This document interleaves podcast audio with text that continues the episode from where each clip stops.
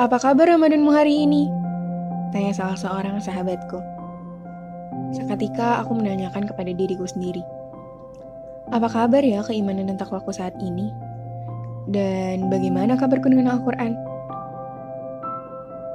Mungkin sebagian dari kita telah menghafal seluruhnya ataupun sebagiannya.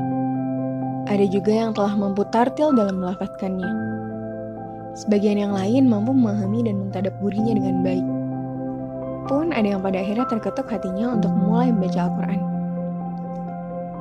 Ketahuilah, semua bentuk kenikmatan itu adalah bentuk cintanya kepada hambanya.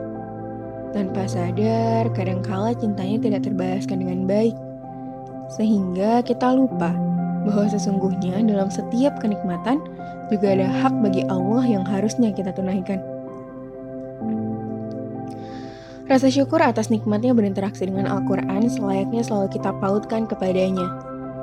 Meraja hafalan kita, mempelajari bagaimana ayat-ayat dilafatkan dengan benar, dan memahami dan mentadaburi makna yang terkandung dalam Al-Quran adalah suatu bentuk rasa syukur yang dapat kita pautkan atas nikmat Allah yang begitu besar kepada kita.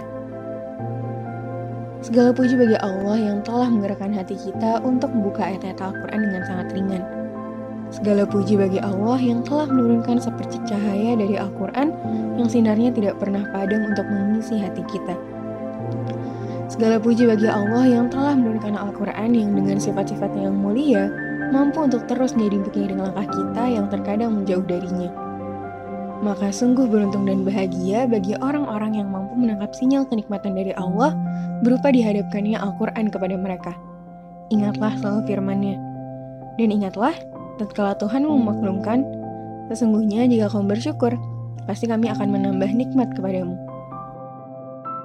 Jika syukur sudah hadir dan terucapkan, maka yakinlah, insya Allah nikmatnya pun akan bertambah kepada kita.